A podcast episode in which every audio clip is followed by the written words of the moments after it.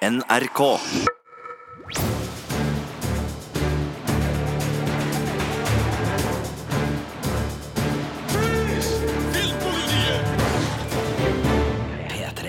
En ny fabelaktig podkast fra Filmpolitiet er i vente. Vi skal nemlig diskutere Fabeldyr Grindelwalds forbrytelser, som er ukas største premierefilm.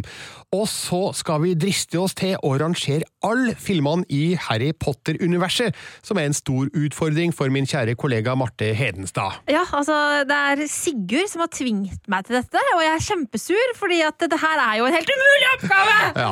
Og da er jeg kjempeblid, og så er jeg ekstra blid, fordi etter at vi har snakka om det her, så skal jo vi både komme med strømmetips til skrekkfans og musikkdokumentarfans. Eh, Og så er det jo sånn at eh, i USA nå så pågår det en rettssak mot en av eh, Mexicos største narkobaroner, og tilfeldigvis så har Netflix premiere på Narcos Mexico. Og ved siden av Marte Hedenstad og Sigurd Vik, så er det jeg, Birger Vestmo, som er her i Filmpolitistudio i dag. Og um, eh, ukas store kinopremiere er altså Fabeldyr eh, Grindelwalds eh, forbrytelser, som er da den tiende filmen satt til Harry Potter-universet, eller Wizarding World-universet, som eh, nå er den offisielle betegnelsen på denne serien. Eh, Vi skal diskutere hva vi syns om filmen, for alle tre har sett den. Eh, Vi skal ikke spoile noe. Og så er jeg veldig spent, da, og det er du òg, Sigurd, på Veldig. eh, Martes eh, liste over de beste til de verste Harry Potter-filmene, eh, der vi også skal sette inn fabeldyr nummer to. Men eh, først skal vi snakke om eh, fabeldyr Grindelwalds forbrytelser. The wizarding and non wizarding worlds have been at peace for over a century. Grindelwald wants to see that peace destroyed. You want me to hunt him down? To kill him? Dumbledore, why can't you go? I cannot move against Grindelwald. It has to be you. Sigurd, du og jeg så filmen på en vanlig pressevisning eh, her i Trondheim, der vi bor, mens du, Marte, du var på en sånn spesiell eh, førpremiere for fans. Hvordan var det? Ja, det var jo kjempegøy. Der var det fullt av folk som hadde kledd seg ut, meg sjæl inkludert, og det var en sånn liten sånn Harry Potter-Kahoot-quiz i forkant, og det var generelt veldig god stemning. Eh, og jeg, jeg elsker å Når jeg skal på sånne ting som jeg er veldig fan av sjøl, så liker jeg å gå på eh, liksom ordentlig premiere for å få den stemninga, da. For det er noe med selv om jeg hater knitring med, med godteripapir osv., så, videre, så er det noe med den stemninga når folk liksom begynner å klappe i salen over ting de liker og sånn. Det syns jeg er gøy. Det er en eh, litt mørkere stemning i sjølve filmen nå enn i den første, Fabeldyr og hvor de er å finne. Eh, Vi skal ikke spoile alt som skjer i filmen, selvfølgelig, men eh, hovedtrekka kan vi jo ta.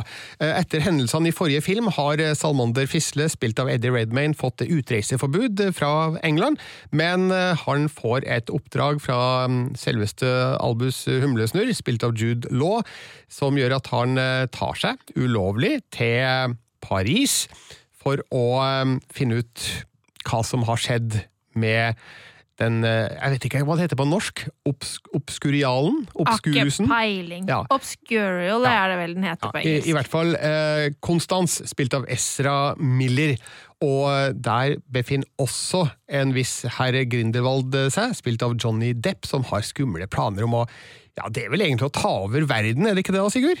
Ja, den er jo litt mer intrikat som så. Altså, det er jo ikke noe tvil om at mannen er glad i makt, men det er vel eh, først og fremst eh, relasjonen mellom mennesker og de magiske, eller altså trollmenn og, og trollkvinner, som er hans eh, eh, ja, Kall det verdenssyn, da. Han er jo i så måte småfascistisk, om ikke helfascistisk, og ønsker da eh, at eh, det er en bedre verden hvis de som er magisk, kan få styr, og da er det jo the greater good som er hans store målsetning. Og Ja. han er jo ikke alene om å ha tenkt de tankene, Marte. Nei, altså, det er jo noe det jeg syns er så interessant med den filmserien da, som vi nå har begynt på. For det skal jo bli eh, flere filmer, dette her, og nå fikk vi nå se liksom begynnelsen på dette i denne filmen.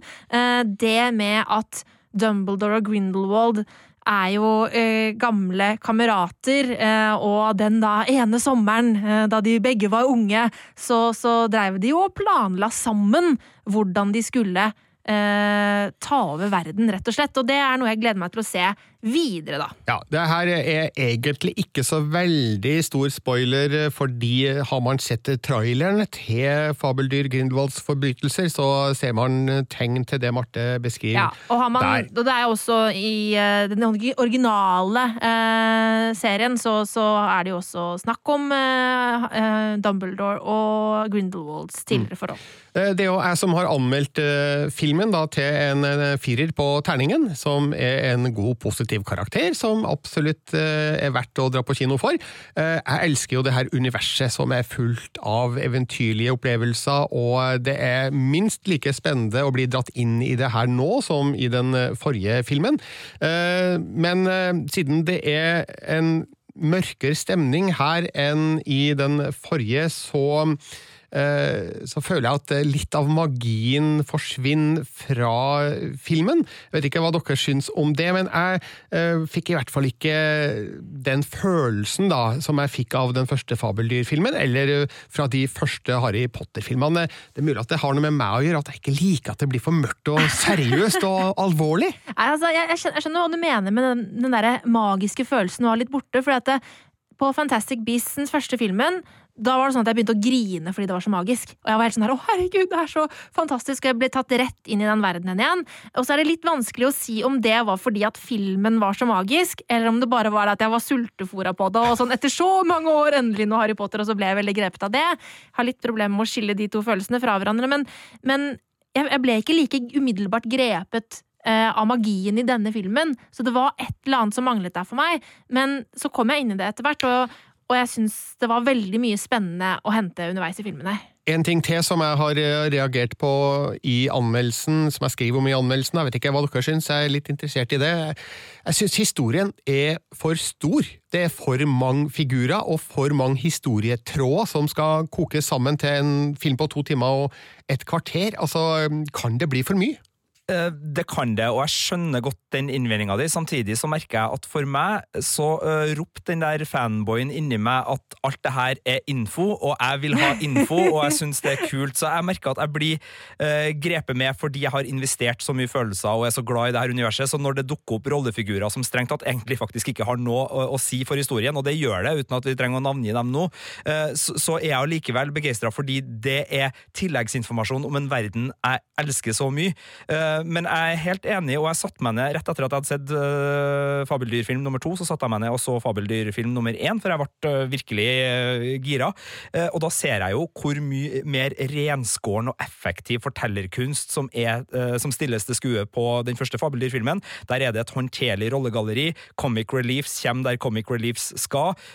Miljøskildringene i henholdsvis kofferten til Newt og New York er veldig tydelige, og vi, er liksom, vi får veldig sånn Vi får etablert de stedene veldig godt, og det er veldig tydelig hvilke i rollegalleriet som har ulike oppdrag, og alt fra kjærlighetsinteresser til, til hvem som skal stoppes.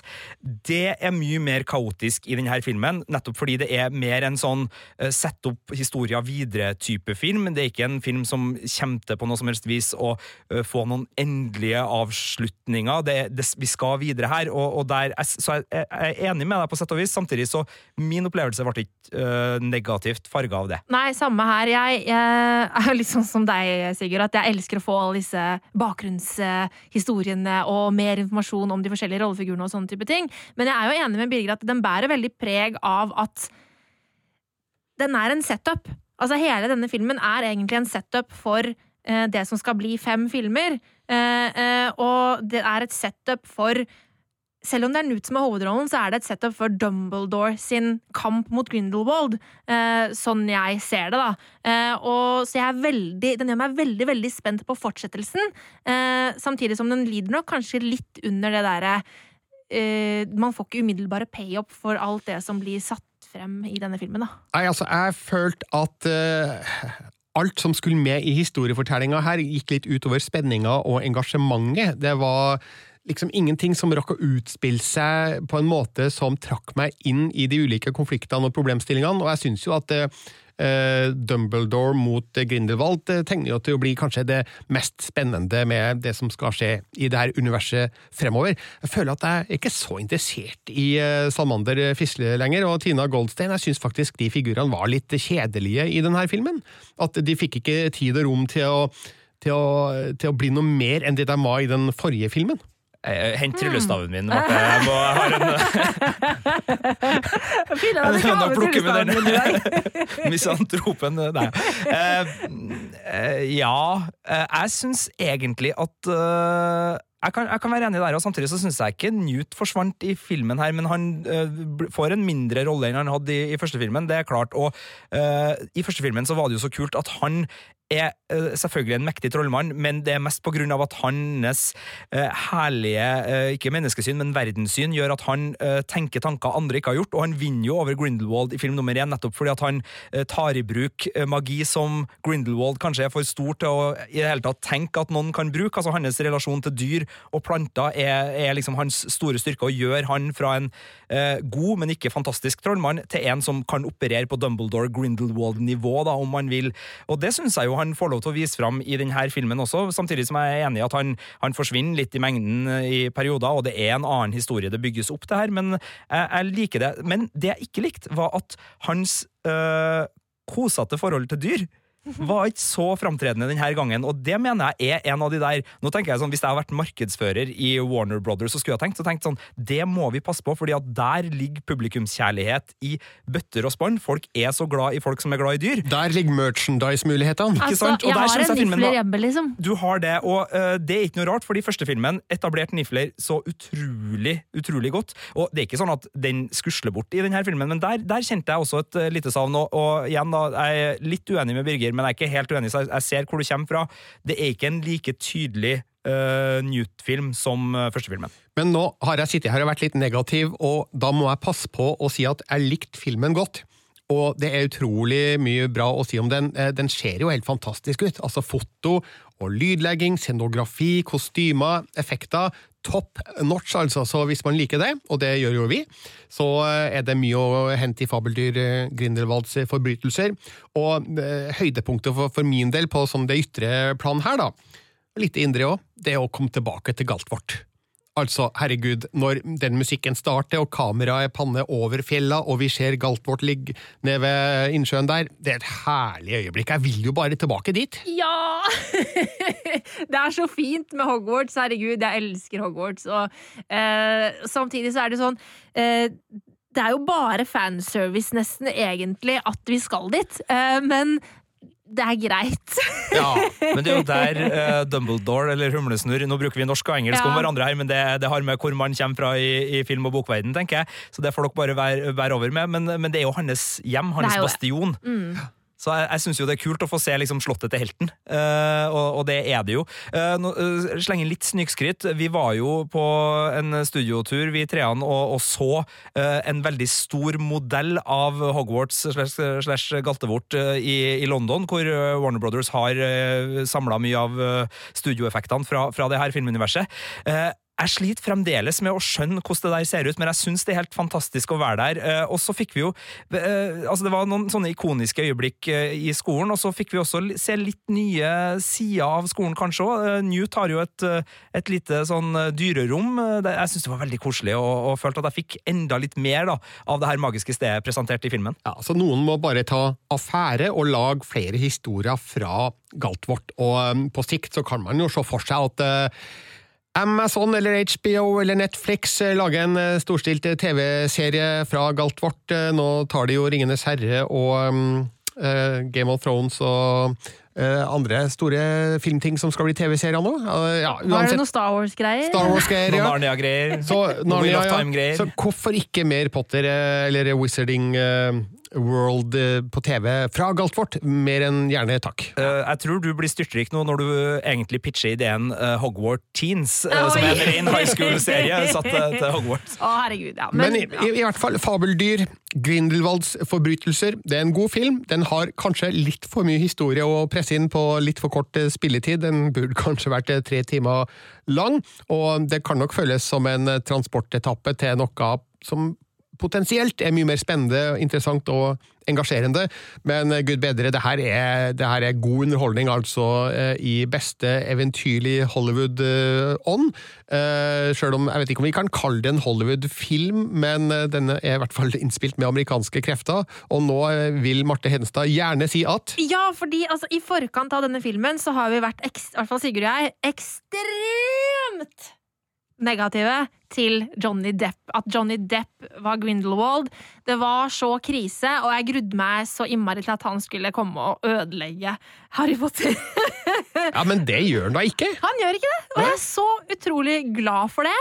Eh, Jeg syns han fungerer eh, som eh, Grindelwald, og han har den derre overtalelsesgreia si og den, den derre forvridde sjarmen sin.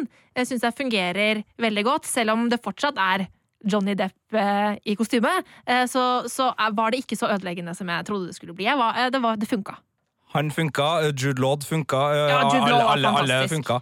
Jeg må bare si at det her er den spoilerfrie, eh, ganske spoilerfrie praten om filmen, men vi har tenkt å eh, spille inn en liten minipodkast eh, som ikke er spoilerfri, hvor vi diskuterer filmen og fanteoriene som har oppstått rundt denne filmen. Mm. Og i den forbindelse, hvis du som hører på har et spørsmål eller en fanteori etter å ha sett uh, Fabeldyr nummer to, Mm. så send det gjerne på e-post til filmpolitiet alfakrøll.nrk.no, for neste uke så er vi veldig gira på å ta den spoilertunge eh, praten om det her. For det, det, det skjer en del ting som får de små grå og Potter-fandommen til å eksplodere ganske greit.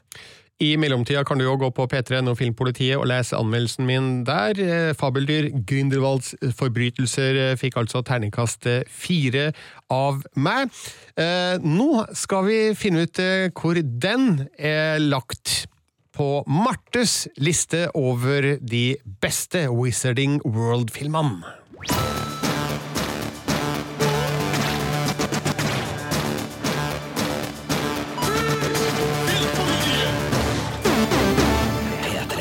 Ja, nå skal du til pers, Marte, for det her har du grua deg ganske mye til. Ja, og det var sånn Sigurd bare Ja, du kan jo sette opp den eh, topplista, uh, Marte, over de Altså alle Harry Potter-filmene, alle ti, inkludert Fantastic Beasts-filmene. Det er en enkel oppgave. Ranger alle filmene i Harry Potter-universet. Altså, er Birger har jo gjort det med Star. Wars, Ja, men vet du, og så er det din tur nå. så mye vanskeligere. Jeg mener det. Jeg, jeg kunne rangert Star Wars mye lettere enn dette. Ja, for Birger har jo allerede gjort det Nei, for men deg, så altså, der så har du en personlig mine favoritter. Det er mye enklere enn det her. Ja, altså, jeg må si at Personlig så hadde jeg ikke greid å sette opp den lista, rett og slett fordi at jeg vet ikke om jeg husker hva som skjedde i hvilken film. Nei, ikke sant? Det som er mitt problem, er at jeg tar med meg bøkene inn i det. Eh, sånn at jeg er litt sånn, ok, Hva var det som egentlig var i filmen, og hva var det som var i boka? Og Derfor er det litt urettferdig at eh, jeg nå, før mitt årlige gjensyn i desember, da pleier jeg å ha Harry Potter-maraton, at jeg nå skal bestemme denne lista. Eh, Så det her har vært ekstremt, ekstremt vanskelig. Men here we go. Er dere klare? Vi er klar for eh, tiendeplassen, altså den okay. dårligste filmen da fra Wizarding World. Den minst gode Harry Potter-filmen. Nummer ti! The Chamber of Secrets.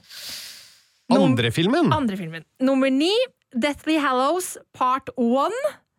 Nummer åtte, The Philosopher's Stone, som Oi! smerter meg å putte Hva? der. Ja, det smerter meg! Nummer sju, The Goblet of Fire. Nummer seks, Fantastic Beasts, The Crimes of Grindelwald. Ja. Nummer fem, Deathly Hallows Part 2. Nummer fire, Fantastic Beasts and Where to Find Them. Nummer tre, The Half-Blood Prince. Nummer to, The Order of the Phoenix. Og nummer én, The Prisoner of Azkaban. Aha! Å, herregud! Interessant, interessant! Vel, eh, for det første, kan du forklare hvorfor du har putta Askaban på topp? Ja, ok, Det er fordi at eh, det er en av favorittbøkene mine, og det er favorittfilmen min. Og det handler veldig mye om eh, Harry Potter og farsfigurer. Eh, jeg elsker forholdet mellom Harry og Lupin, eh, som er da Defense Against the Dark Arts-læreren hans, eh, og også da etter hvert Sirius Black, som han da oppdager er sin gudfar. Og altså, den, den filmen har på en måte bare alt, og, og det var jo Alfonso Cuaron som kom inn og hadde regi på den. Og han lagde jo et egentlig ganske nytt Hogwarts. Han eh, had, gjorde om en god del av hvordan Hogwarts så ut uh, utenfor, og hytta til Hagrid. Han gjorde om en del på altså, uniformene og hva de hadde på seg underveis, som gjorde at Hogwarts ble litt mer virkelig og ekte for meg. Uh, sånn, sånn at Og det er litt interessant, egentlig, fordi at det var sånne småting som jeg tenkte sånn Nei, men har de forandra på det, og har de forandra på det? Husker jeg jeg tenkte underveis eh, mens jeg så den for mange år siden første gang. Eh, men det er liksom noe som på en måte virkelig har jeg har vokst på meg, og som jeg har likt bedre og bedre jo flere ganger jeg har sett den filmen. da. Um, og Nei, altså, eh, David Thulis, eller hvordan man uttaler det navnet, er så fin som, som Lupin. Og ja, bare det samspillet mellom Daniel Radcliffe eh, og han er veldig fint. Og så er det også noe med at eh, i den tredje filmen så begynner skuespillerne, altså barneskuespillerne å bli litt eh, Litt bedre skuespillere, rett og slett. Eh, sånn at det fungerer eh, en del bedre på mange Ja. områder. Jeg anmeldte den filmen til terningkast fem da den kom, og og, um, jeg ser her i anmeldelsen min at jeg skrev um, at regissør Cuarons forrige film var den heftige og mora di også. Skapt forventninger om en Harry Potter-historie med undertone av tenåringers gryende seksualitet. Ja. Jeg husker ikke om det var noe særlig av det i filmen, Eh, men det er litt tidlig akkurat der, men, eh, men det var noe med sånn tenåringsliv eh, som man virkelig klarte å, å, å gjenskape. Og ja, også det, det er det der med Lupin og Harry er, altså Lupin er favorittlæreren min eh, i, i Harry Potter. Han er en fantastisk rollefigur, og jeg syns ja. Så altså, Askaban er den beste filmen fra Wizarding World-universet, ifølge Ja. Marte Hedenstad. Hva syns du om det, Sigurd? Eh, Jeg er helt enig i den på topp, så, så der er jeg helt med. Jeg syns ikke det er kontroversielt i det hele tatt. Eh, Det er favorittfilmen min. Det var den første filmen jeg kjøpte nå når jeg skulle ha dem på ok, det her blir nerdete, eh, 4K Blu-ray, så, så hadde ikke jeg råd til å kjøpe alle samla, for de koster 300 kroner stykket. Men da gikk jeg rett bort, og så kjøpte jeg Prisoner of Azkaban, og så putta jeg den i spilleren og storkosa meg. Eh, Jeg var bygdekinomaskinist da den filmen eh, kom ut, eh, som sivilarbeider, eh, og, og, og visste den filmen eh, tre dager til ende på Orkanger kino. Så jeg så den filmen kanskje sånn åtte ganger eh, i løpet av den helga, og jeg ble ikke lei. Eh, altså, den, den er eh, Ja, nei, det er en komplett film. Den har liksom både det, det menneskelige, den har uh, dramaturgien og spenningshistorier, og den uh, har en spenningshistorie som ikke er ren Voldemort-spenningshistorie. Det er en av de få filmene som har da en tilsynelatende annen skurk, selv om det, det kommer inn ting der på, på slutten som gjør at vi havner inn, men det og, og, og den måten de vrir da Sirius Black over, og det var dementorer og den togturen ja inn og de det- ja, ja. dementorene, de er laga veldig bra, altså. Ja. Eh, ja. Fantastiske marerittvesener. ja. Men det er jo den vi er enige om. La oss nå komme til det litt mer konfliktfylte stoff. Det er i din liste. Jeg starter med å spørre deg, hva syns du selv, eh, Hvilken film syns du sjøl du var skikkelig rasshøl mot nå? Uh, uh, jeg syns selv jeg var rasshøl mot The Philosopher's Stone. Ja, Som det var du. Havna på niendeplass. Uh, fordi- og det er en film jeg elsker. Jeg elsker den filmen. Ja, så jeg, jeg skjønner ikke, det er jo- selve innledninga til hele Ah! universet. Det er derfor det er så vanskelig. Og det er sånn, jeg elsker, det er sånn, hvis jeg skal sette på én film fra Harry Potter, så er det den første filmen. Ja, Fordi det er sånn, bare sånn, Når de tar meg med inn til Diagon Alley for første gang, og det er sånn Jeg begynner å grine om det, fordi jeg elsker det så mye. Men, men sant, det er Det er noe med det at det er en ren barnefilm. Eh, og det er mye mer dybde og mye mer å hente sånn emosjonelt på dypere plan da, i de andre filmene. Så jeg tror det er noe med det. Eh, men jeg er veldig veldig glad i den filmen, så, så det å putte den eh, så langt ned var skikkelig fælt. Ja, Altså. nå skal jeg ringe Christoffer Columbus, og så skal jeg Nei, Chris Columbus, ikke Christoffer. uh, han tar ikke telefonen. Og, og fortell hva du har gjort, fordi at det, det virker rett og slett slemt å putte den så langt ned. Den legger jo føringer for alt som har kommet Den siden. gjør det, herregud. Så um, jeg, jeg vet ikke om jeg har hatt hjerte til å gjøre det du har gjort. Nei, det, det, altså jeg, merka jo at jeg, sa, vi satt, jeg satt på kontoret og bare Nei! Det her går ikke! Det er for vanskelig! Wow, look what you made me do! Og det var, det var spesielt i forbindelse med den. Jeg hadde egentlig ikke trodd at du skulle gå med på det her, men jeg, det er veldig sporty av deg å gjøre det. Eh, eh, så er det jo en sånn litt sånn vrien sak, da. Fordi det er en siste film i Harry Potter-universet som er splitta i to. Ja. Eh, og du valgte å plassere del én der veldig langt ned. Er det rettferdig Nei, å plassere den filmen så langt ned, basert på at den egentlig ikke er en film, Nei, men altså, bare en opptakt? Det er jo kjempeurettferdig. Men de ble nå gitt ut sånn. Eh, og det var noe sånn man opplevde da man så den filmen. eh, så måtte du vente lenge til neste film. Eh, og det er noe med det at eh, det er jo selvfølgelig kjempeurettferdig, fordi den her legger jo opp til alt det vi får payoff i i den siste filmen. Um, men den er altså så mørk, den filmen, eh, og så tung, uten at det er noen lyspunkter omtrent. Sånn at den er en veldig tung film å se. Jeg, jeg syns den er skikkelig sånn Ah, den blir, den trekker meg ned, eh, fordi at den mangler, den har ikke en god nok kurve. Og så ser, ser du dem sammen, altså back to back, så funker det, men ser du den aleine, så syns jeg ikke det fungerer som en enkeltstående film, rett og slett. skal komme inn med en uh, liten sånn uh, besserwisser-holdning her, og bare si at jeg tror grunnen til at den ikke funker, og også at vi har litt problemer med den filmen vi starta Ja. anmeldelsen her med, er den har ikke et ordentlig rammeverk. Altså Skoleårene har vært Harry Potters uh, store styrke, fordi at du kan alltid lene deg på at det ligger en latent dramaturgi i det skoleåret. Eh, de to filmene eh, som da kanskje skiller seg ut eh, negativt fordi de blir for stor og for åpen og føles som en transportetappe, mangler jo den. Det gjorde jo for så vidt den første Fabeldyrfilmen òg, men den var en avsluttende historie som, som starta oss på en vei. Så, så jeg tror nok Harry Potter har nytt veldig godt av den uh, iboende dramaturgien der, og jeg er helt enig i at eh, der og da så husker jeg bare følelsen av antiklimaks etter at jeg gikk ut av kinoen eh, på, Ja. på den del to. Eh, Da Del hadde jeg også kommet ja. inn i ja, del én, mener jeg. Da hadde jeg også kommet inn i bokuniverset, så da var jeg også skuffa. For jeg er skuffa over begge de to avsluttende filmene fordi de skiller seg så forferdelig teit fra boka Ja. på et par veldig sentrale plasser, men det er en innvending jeg skal ha. Du, skal, du hadde jo del to litt høyere opp. Jeg Jeg ville kanskje hatt den ganske Eh. langt ned, for jeg syns den er en skuffelse. Men samtidig så er det jo en god film. Ja, det er jo det. Men det er sånn, eh, den, den filmen som kanskje eh, Som da jeg så den, var den største skuffelsen, eh, det er jo The Order of the Phoenix, som jeg har valgt å putte på andreplass. Eh, Da jeg så den filmen, eh, og da, og da, hadde jeg, da hadde jeg kledd meg ut. Uh, Da òg, for det er såpass lenge siden at da var det heksehatt og, og full pakke. Um, eh, jeg var skikkelig skuffa, fordi det er min favorittbok i serien.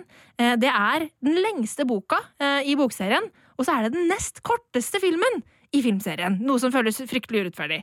Um, så eh, der var det så mye som var borte at jeg var helt sånn superskuffa.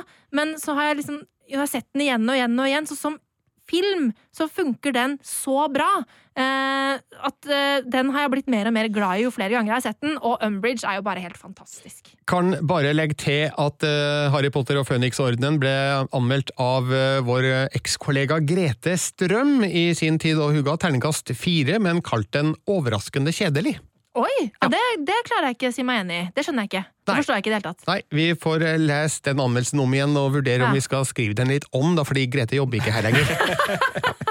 uh, der har vi altså da fått etablert uh, topp ti-lista Ja. til Marte over uh, Wizarding World-filmene, og vi gjentar at på topp Ja, The Prisoner of Azkaban på førsteplass. Andreplass The Order of the Phoenix.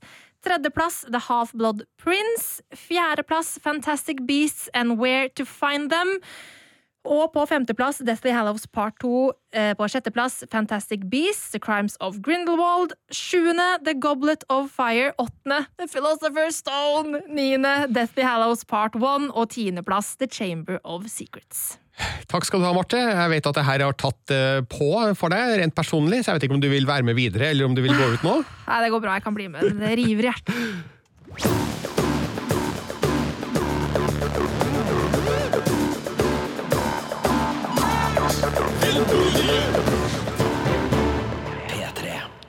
Vi skal gi deg et par solide strømmetips som du kan ta med deg inn i helga, og aller først så skal vi over til noe skummelt, Sigurd Vik. Ja, vi skal til en eh, skrekkserie som kom på Netflix for noen måneder siden, og som jeg har sett ferdig nå, og som gjorde at jeg ikke sov så godt i natt. The Haunting of Hill House.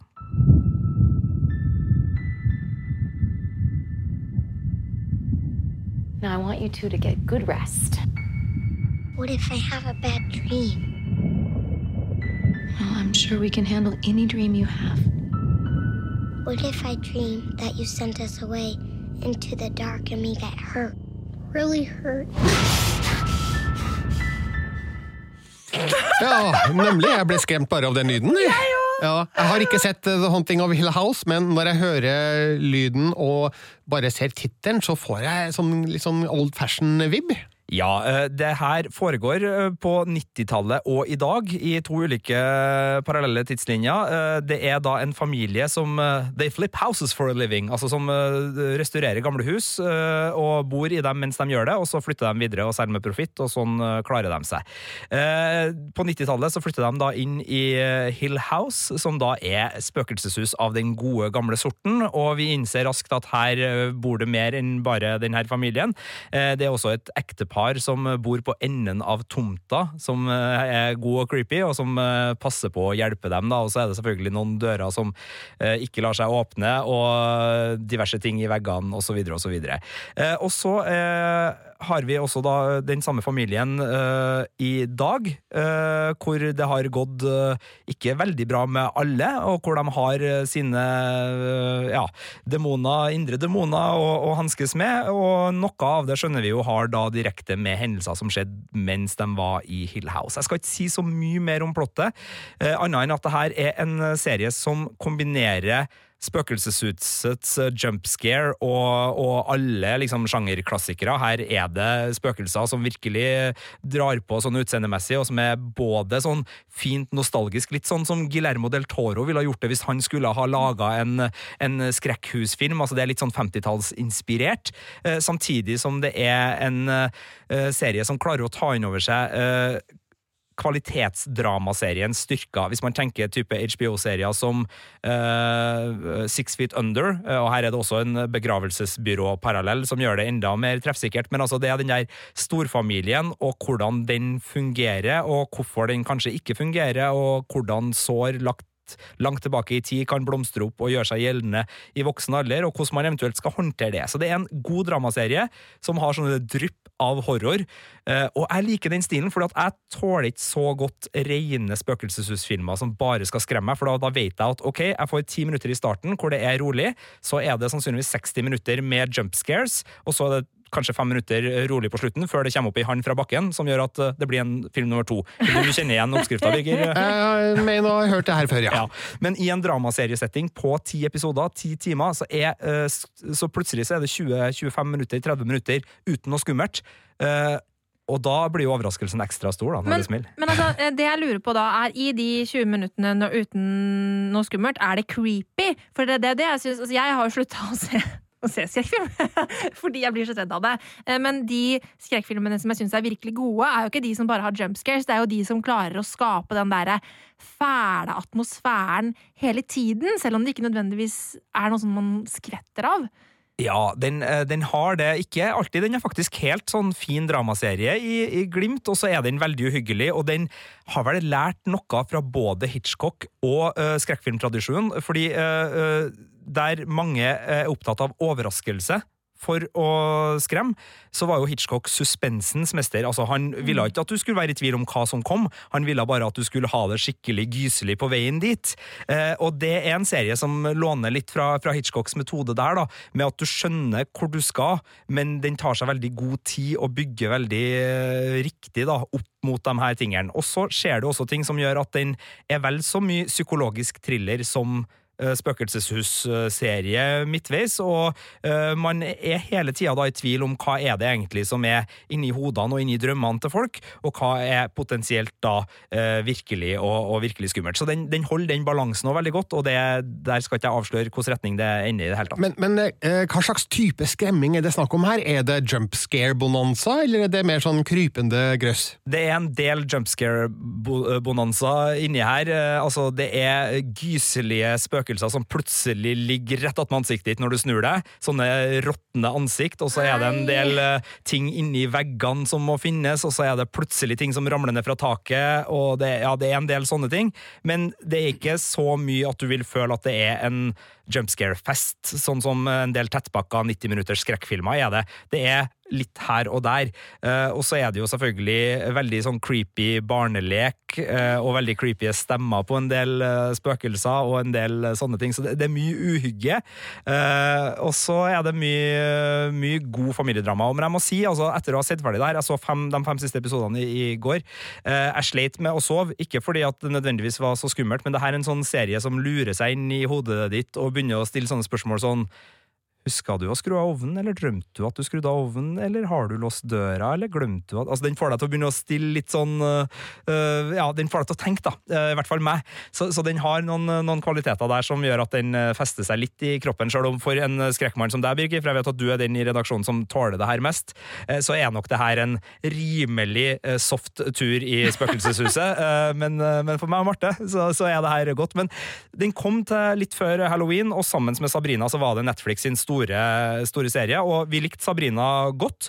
Jeg vil si at uh, The Haunting of Hill House er kanskje enda bedre, og enda mer en sånn her er ikke noe corny Eller det er litt corny, men altså, det, det her er en serie som uh, tar seg sjøl på alvor. da. Den, den, har ikke så mye tongue in cheek, den har litt sånn referansehumor, men ellers så, så kjører den på, og, og, den lykkes godt. Så hvis du er glad i skrekkfilm og glad i horrorserier uh, og er lei av American Horror Story, så, så er The Haunting of Hill House på Netflix. Ti episoder, ti timer. Et realt strømmetips.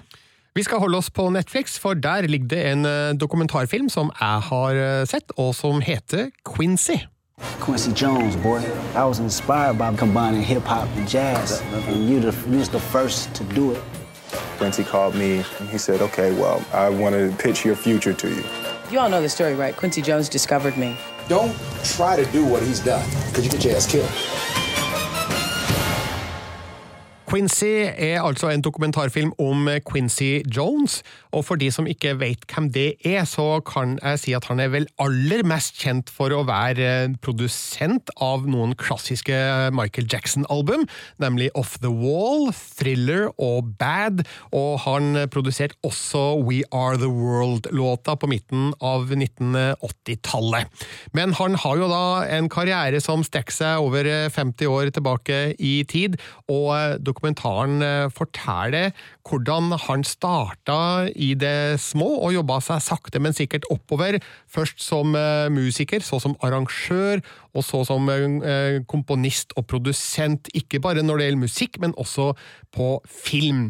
Og eh, dokumentaren er laga av Alan Hicks og Rashida Jones, og sistnevnte er jo eh, kanskje mest kjent som Ann Perkins i TV-serien Parks and Rec.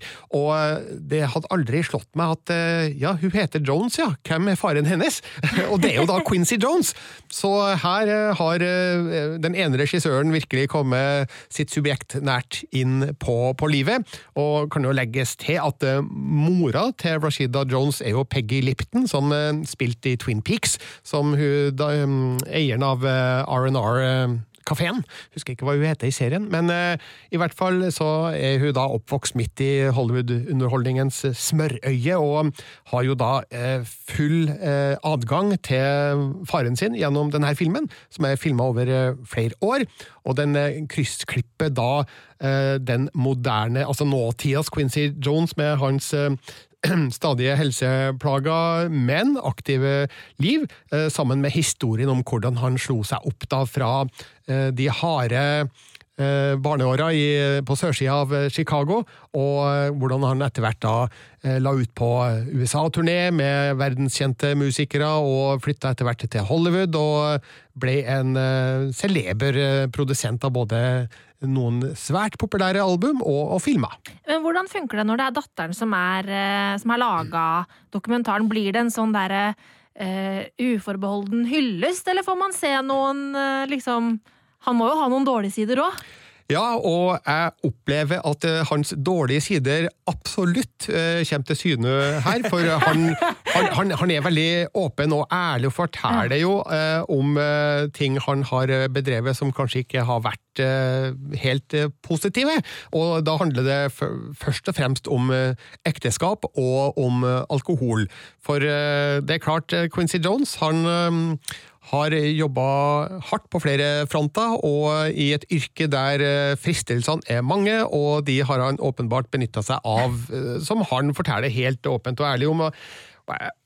For følelsen av da at det, det har ikke det har ikke ligget noen stengsler i veien her for verken Rashida Jones eller, eller hennes medregissør Alan Hicks. Jeg føler at vi får et sant, troverdig bilde av Quincy Jones, både på godt og på vondt. Eh, traileren er jo en liten sånn kjendisparade. Vi hørte både Will Smith og Oprah Winfrey bare i det lille lydklippet vi hørte her. Eh, hvordan er den biten? Altså, er det mange som kommer inn for å liksom snakke varmt om Quincy, eller er det bare eh, huka tak i til trailerbruk? Nei, du, det er så mange kjente fjes i denne filmen at du aner ikke, og eh, hver og en av dem er jo eh, bare sånn uforbeholden eh, hyllest til, til Quincy Jones, og det kan bli litt mye av det, altså. Eh, vi skjønner jo ganske kjapt at han har en høy stjerne, og at han er veldig populær, og at han er høyt elska, eh, så jeg tenker at eh, eh, muligens kun filmen ha tona det litt ned, for det kan bli litt mye, rett og slett, og litt overdrevent. Eh, men jeg syns jo at eh, filmen gjør eh, en god jobb med å balansere det her, da, med de litt vondere kapitlene i Quincy Jones sitt liv. Sånn at det, det blir ikke bare hyllest, det blir jo et bilde av et menneske som har sine feil og mangler, som ikke er perfekt på noe vis. Og eh, det, det ender jo opp med å bli et, eh, et bilde av et menneske som jeg, som jeg tror på, og uten at det bare er glansmaling. Det blir litt svartmaling underveis også, som er er nødvendig for å kompensere litt, og for å fylle ut bildet av eh, stjerna Quincy Jones. Som en fyr som da er glad i uh, musikkdokumentarer og historiske dokumentarer som uh, ja, knytter litt linjer og setter folk inn i perspektiv og i kontekst. Altså Er Quincy, da, som ligger på, på Netflix nå, en, en film som eh, vil funke for meg, Birger? Du, jeg er helt sikker på at den vil funke veldig bra for deg, Sigurd, og for alle andre som er interesserte i eh, amerikansk populærkultur og musikk. Eh, Den gir jo et, eh, et veldig godt bilde av utviklinga i kulturen, både når det gjelder liksom overgangen fra jazz til disko til soul til pop. Og den gir også et bilde av eh, Quincy Jones eh, som, som svart mann i et kvitt Amerika, og utviklinga på den fronten, Uh, og konfliktene som har oppstått, og kampen som fremdeles pågår. Uh, så det er, det er et lite bilde av Amerika inni det her også, uh, som fortelles eh, som bakgrunn, da, som er bakgrunn da, for fortellinga om Quincy Jones. Så det her er en god film som eh, jeg er glad for at eh, er blitt lagd, og at jeg har eh, sett, og eh, den gir eh, økt forståelse for eh, eh, Quincy Jones mange talenter, og ikke minst hans samarbeid med Michael Jackson. Det blir jo selvfølgelig dokumentert her, spesielt Off the Wall og Thriller. Dessverre nevnes ikke Bad, jeg vet ikke helt hvorfor, men Uansett så er det her eh, for musikkinteresserte eh, et sikkerstikk som bare må ses. Så Quincy på Netflix, det er mitt store strømmetips eh, for i dag. Eh, Vær så god, og takk skal du ha.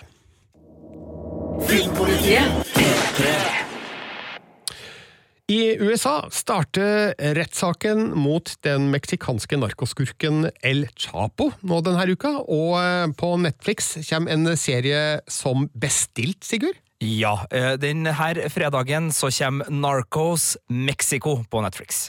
Agent Camarena, welcome to Guadalajara. Thank you, sir. We've seen the desert. Time to meet the snakes. Who's that guy? Miguel Felix Gallardo. The Rockefeller of marijuana. You gonna bust his ass? Mm-hmm. to ride, White Line Highway. Tell all your friends they can go Ja. Narcos Mexico eh, på Netflix eh, igjen, altså. Mye Netflix nå, men eh, når det er så mye bra på en gang, så må vi bare rett og slett eh, pause på. Og eh, Narcos Mexico eh, har jo et par eh, strålende sesonger foran seg. Ja, og her må vi jo bare for ordens skyld rydde litt av, for det er på sett og vis Narcos sesong fire vi får her. Eh, Samtidig så har de valgt å, å starte på nytt, så det her er da en søsterserie. Så du har Narcos sesong 1, 2 og 3, eh, og så starter de på nytt da med Narcos Mexico, og de spoler tilbake tidsteipen nå, så nå foregår det vi får se her, parallelt med det vi har sett tidligere. Og Narcos, grunnserien, er da historia om uh, Colombias narkotikaboom på 80- og 90-tallet, med da uh, selveste Pablo Escobar i, i hovedrollen, spilt av Wagner Mora. Gnistrende godt spilt av Wagner Mora, kan man også si. Og eh, der Escobar slo seg opp i et eh, Colombia hvor det var plass til en brautende gal, eh, karismatisk leder som tok det han ville ha, var eh, humørsyk oppetter veggene og sto på, så får vi da se et Mexico som er mye mer gjennomkorrupt, og, men også mye mer eh, systematisert. Eh, Så det er da Diego Luna som eh, er hovedrollen denne gangen. Gangen. Han spiller eh, en eh, type som heter så mye som Felix, eh, og nå skal jeg få til, prøve å få til etternavnet riktig her, da. Skal vi se. Er det Gala, Galardo? Felix Galardo, som er da en virkelig person, og som var den første mannen til å knytte sammen narkokartellene i Mexico til Eller altså skape et eh, narkokartell i Mexico. For Mexico i starten, eh, og da befinner vi oss i eh, området Guadalajara, hvor både mariachi-musikken og tequilaen kommer fra. Det var litt sånn solfylt eh, marihuana-land på, på slutten av 70-tallet, hvor det var masse bønder som drev med narkosmugling, men det var veldig lite. Og så er det sånn i Mexico at på den tida så var uh, hver region hadde sin forbryterhøvding, som på en måte styrte eh, businessen i sin region. Eh, og det er det her systemet da Felix skjønner at kan effektiviseres. Han får politikere, politifolk, hæren og de her eh, krimhøvdingene på lag og setter opp da ei smuglerrute fra Colombia og inn til USA på 80-tallet, som gjør da at eh, kokain lages i Colombia av gale Escobar, eh, fraktes gjennom Mexico av dristige Felix og konsumeres som ville helvete fra Miami og innover i USA. Eh, men USA skjønner jo at her vil vi være med og, passe på litt, så de begynner jo da å sende sine DEA-agenter på denne tida, og det er jo da spesielt en der som heter Kiki Camarena, spilles av Michael Peña, ofte komiker, men her da i dramaserie. Eh, og han er også basert på en virkelig person, og eh, Felix og Kiki og deres personlige konfrontasjon eh, uten at jeg skal avsløre så mye mer, er egentlig veldig grunnleggende for hele krigen mot narkotika, og spesielt Mexicos rolle i den krigen, eh, og hvordan DEA ble det byrået de ble utover 90-tallet og, og fram til i dag. Og ikke minst da så ser man også her det miljøet som skapte El Chapo, som nå står foran en rettssak i USA. Det er en mann som i virkeligheten omtales som både Al Capone og en ny Escobar. Han er eh, på toppen av eh, Most Wanted-lista både her og der, og regnes som en av de farligste og mektigste kriminelle i dagens verden. Så får vi jo se om rettssaken dømmer den eller ikke, da. det skal vi ikke ta stilling til her. Men, men det er veldig aktuelle ting da, som Ja, vises. Og den handlinga du skisserer her, eh, høres jo unektelig interessant ut, eh, så det her gleder jeg meg til å se. Men bør jeg det? Altså, er det her bra? Det er akkurat like bra som det Narcos har vært. Det er en serie som har fått terningkast fem av oss i alle sesongene, og det får også Narcos Mexico. Det er den samme eh, litt sånn forførende, herlige tidskoloritten. Den her musikken som bare tar deg inn i en litt sånn lett latinamerikansk dans. Det er veldig personfokusert, altså du ligger tett på et knippe utvalgte, meget gale personer, krydra med noen håndlangere som får båndskurker til å virke eh, rett og slett tam. Eh, så, så det er mye av det der, og så er det da selvfølgelig eh, basert på, og her er basert på veldig virkelig å merke seg, da, eh, virkelige personer og virkelige hendelser som gjør at det får en sånn, et drag av true crime. da. Akkurat det med basert på er, jo litt viktig. Jeg vet jo at Sønnen til Pablo Escobar har jo sagt om Narcos at han syns at det er en forherligelse av hvordan faren var, og at det blir, at det blir for pent og pyntelig. Hvordan er Narcos Mexico på den fronten? Litt i samme stilen, men det må jo sies at Felix, da spilt av Diego Luna, har jo en helt annen personlighet, eh, så det blir på en måte mer nedpå, sånn narkobaronmessig. Han er mer en Walter White-type, som starter som politimann, og som ender opp da som den her gudfaren av narkokartell, men han har ikke like mye blod direkte på sine hender. Men eh, det er klart, det her er et problem, fordi dramaserien dikterer, og det gjelder både Narcos og også sånn American Crime Story, som har da tatt for seg både OJ-saken og Versace-saken nå, som var Emmy-nominert.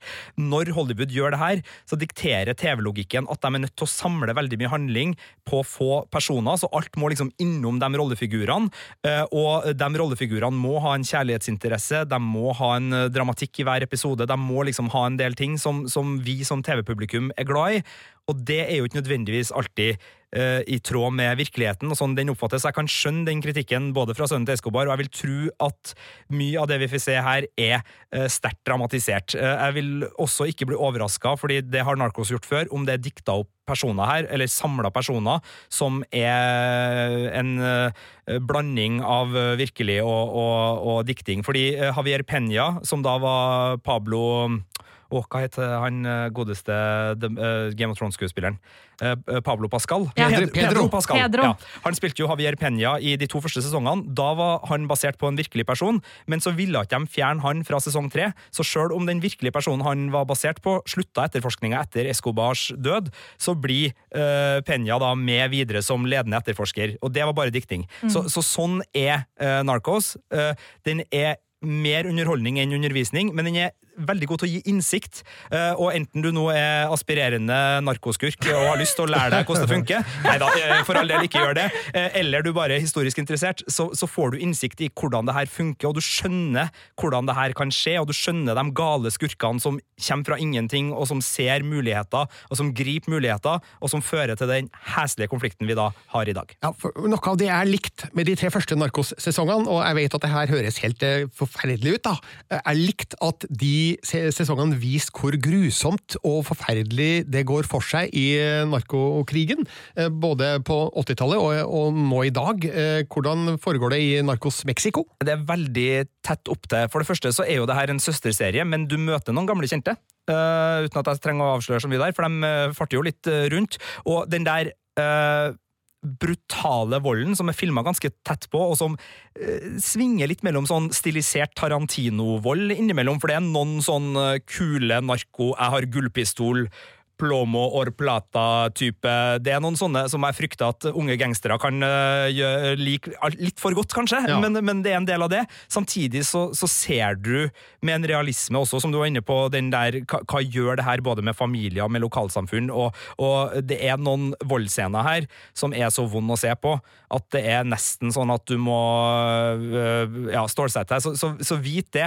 Jeg vet ikke om den, den har vel 16-årsgrense, vil jeg tro, rett og slett bare for at øh, det er jo sånn at historier fra Mexico spesielt, og narkotikakriminaliteten der, har sjokkert verden når det gjelder både kidnappinga og hva som skjer med uh, kidnappingsofre.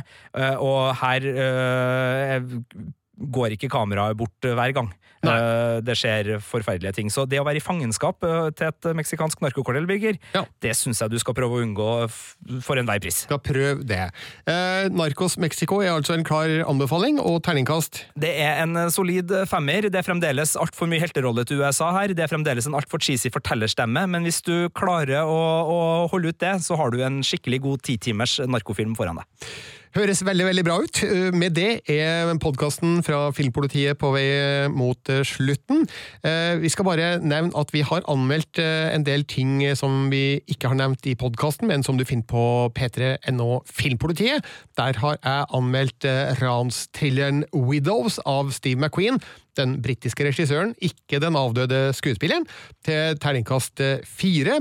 Sigurd, du har sett eh, den nye Cohen-filmen på HBO? Eh, Nei, den er også på Netflix. Netflix, så det er full streak på Netflix i Unnskyld, dagens podcast. Men The Ballad of Buster Scruggs er en western-antologiserie jeg likte kjempegodt, og får terningkast fem av meg. Marte, du har sett eh, premierefilmen Rafiki. Yes, det er eh, en kenyansk romantisk dramafilm om to jenter som forelsker seg, som bor da i Nairobi hvor, i Kenya, hvor homofili er forbudt. Eh, terningkast fire. Jeg har sett den brasilianske filmen Arvingene, som er eh, en av ukas beste premierefilmer. Terningkast fem fikk den, mens den danske barnefilmen Julenissens datter var litt tam og fikk terningkast tre. Og så har du sett en dokumentar, Sigurd, om en artist. Ja, ikke Quincy Jones denne gangen, men MIA, altså Missing in Action, eller Matangi Maya MIA, som filmen da heter. Den er kul og får terningkast fem. I neste uke er vi tilbake med en ny podkast. Da skal blant annet den norske filmen Harajuku eh, anmeldes. Eh, også den, eh, den re remaken av den italienske grøsseren Suspiria, og dramafilmen The Wife med Glenn Close, Jonathan Price og Christian Slater. Noe mer som skjer som vi burde ta med? Jeg tar og gjentar det med eh, at vi skal spille inn en eh, litt sånn inngående spoilercast om eh, Fantastic Beasts, Crimes of Grindelwald. Så hvis du har spørsmål eller fanteorier til det, send det inn til filmpolitiet at nrk.no. Det sa Marte Hedenstad, og Sigbjørn Vik, du sier Jeg sier at vi er å finne også på Instagram, NRK Filmpolitiet, og på Twitter, hvis du har lyst til å nå oss der. Og jeg heter Birger Vestmo og sier takk for i dag.